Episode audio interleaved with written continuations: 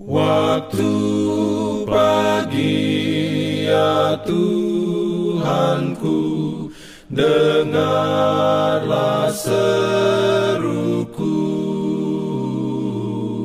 Melayang doa yang sungguh Memandang padamu. Selamat pagi pendengar Radio Advent Suara Pengharapan Mari mendengarkan suara Tuhan melalui tulisan pena inspirasi Yesus, nama di atas segala nama.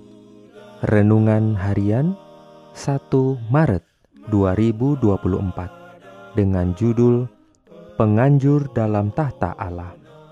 Ayat inti diambil dari Roma 8 ayat 34. Firman Tuhan berbunyi, Kristus Yesus yang telah mati bahkan lebih lagi, yang telah bangkit, yang juga duduk di sebelah kanan Allah, yang malah menjadi pembela bagi kita. Diberikannya perlindungan dalam pimpinannya. Urayanya sebagai berikut. Ketika murid-murid pulang dari Bukit Zaitun ke Yerusalem, orang-orang melihat kepada mereka, mengharapkan untuk melihat pada wajah mereka pernyataan kesusahan, kekacauan, dan kekalahan. Tetapi mereka melihat di sana wajah kesenangan dan kemenangan. Murid-murid tidak bersusah atas harapan mereka yang dikecewakan. Mereka telah melihat Juru Selamat yang telah bangkit dan perkataan perjanjian perpisahannya tetap bergema di telinga mereka. Dalam penurutan kepada perintah Kristus, mereka menunggu di Yerusalem untuk janji Bapa, kecurahan Roh Kudus. Mereka tidak menunggu dengan sia-sia. Catatan mengatakan bahwa mereka senantiasa berada di dalam bait Allah dan memuliakan Allah. Mereka juga sama-sama mempersatukan permohonan mereka kepada Bapa dalam nama Yesus. Mereka tahu bahwa mereka mempunyai wakil dalam surga, seorang penganjur dalam tata Allah.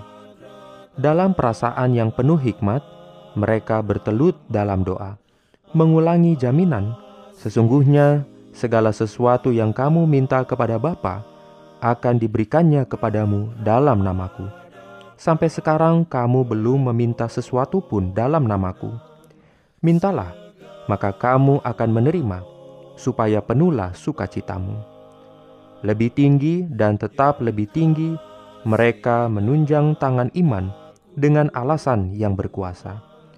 Kristus Yesus yang telah mati, bahkan lebih lagi, yang telah bangkit, yang juga duduk di sebelah kanan Allah, yang malah menjadi pembela bagi kita.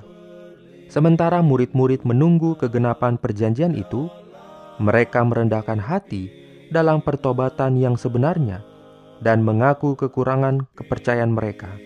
Sementara mereka teringat akan perkataan yang diucapkan oleh Kristus kepada mereka sebelum kematiannya, mereka pun lebih mengerti akan maksud yang sebenarnya. Kebenaran yang telah berlalu dari ingatan mereka dibawa sekali lagi kepada pikiran mereka, dan ini mereka ulangi satu sama lain mereka sendiri menyesal karena salah mengerti akan Juru Selamat. Bagai suatu prosesi, pemandangan demi pemandangan tentang hidupnya yang luar biasa lewat di hadapan mereka. Sementara mereka merenungkan tentang kehidupannya yang suci, mereka merasa bahwa tidak ada pekerjaan yang terlalu sukar, tidak ada pengorbanan yang terlampau besar, kalau saja mereka dapat bersaksi dalam kehidupan mereka kepada keindahan tabiat Kristus. Oh, jikalau seandainya mereka bisa mengulangi lagi masa tiga tahun hidup bersama-sama, pikir mereka, alangkah berbedanya tindakan mereka. Renungkan lebih dalam bagi Anda. Apakah saya kurang menghargai apa yang Yesus lakukan saat ini dalam hidup saya dan di surga atas nama saya? bagaimana saya bisa benar-benar menghargai setiap momen yang saya miliki bersama Yesus? Diberikannya perlindungan dalam pimpinannya. Jangan lupa untuk melanjutkan bacaan Alkitab sedunia. Percayalah kepada nabi-nabinya yang untuk hari ini melanjutkan dari buku Yeremia pasal 33. Selamat beraktivitas hari ini. Tuhan memberkati kita semua. Jalan kewajiban.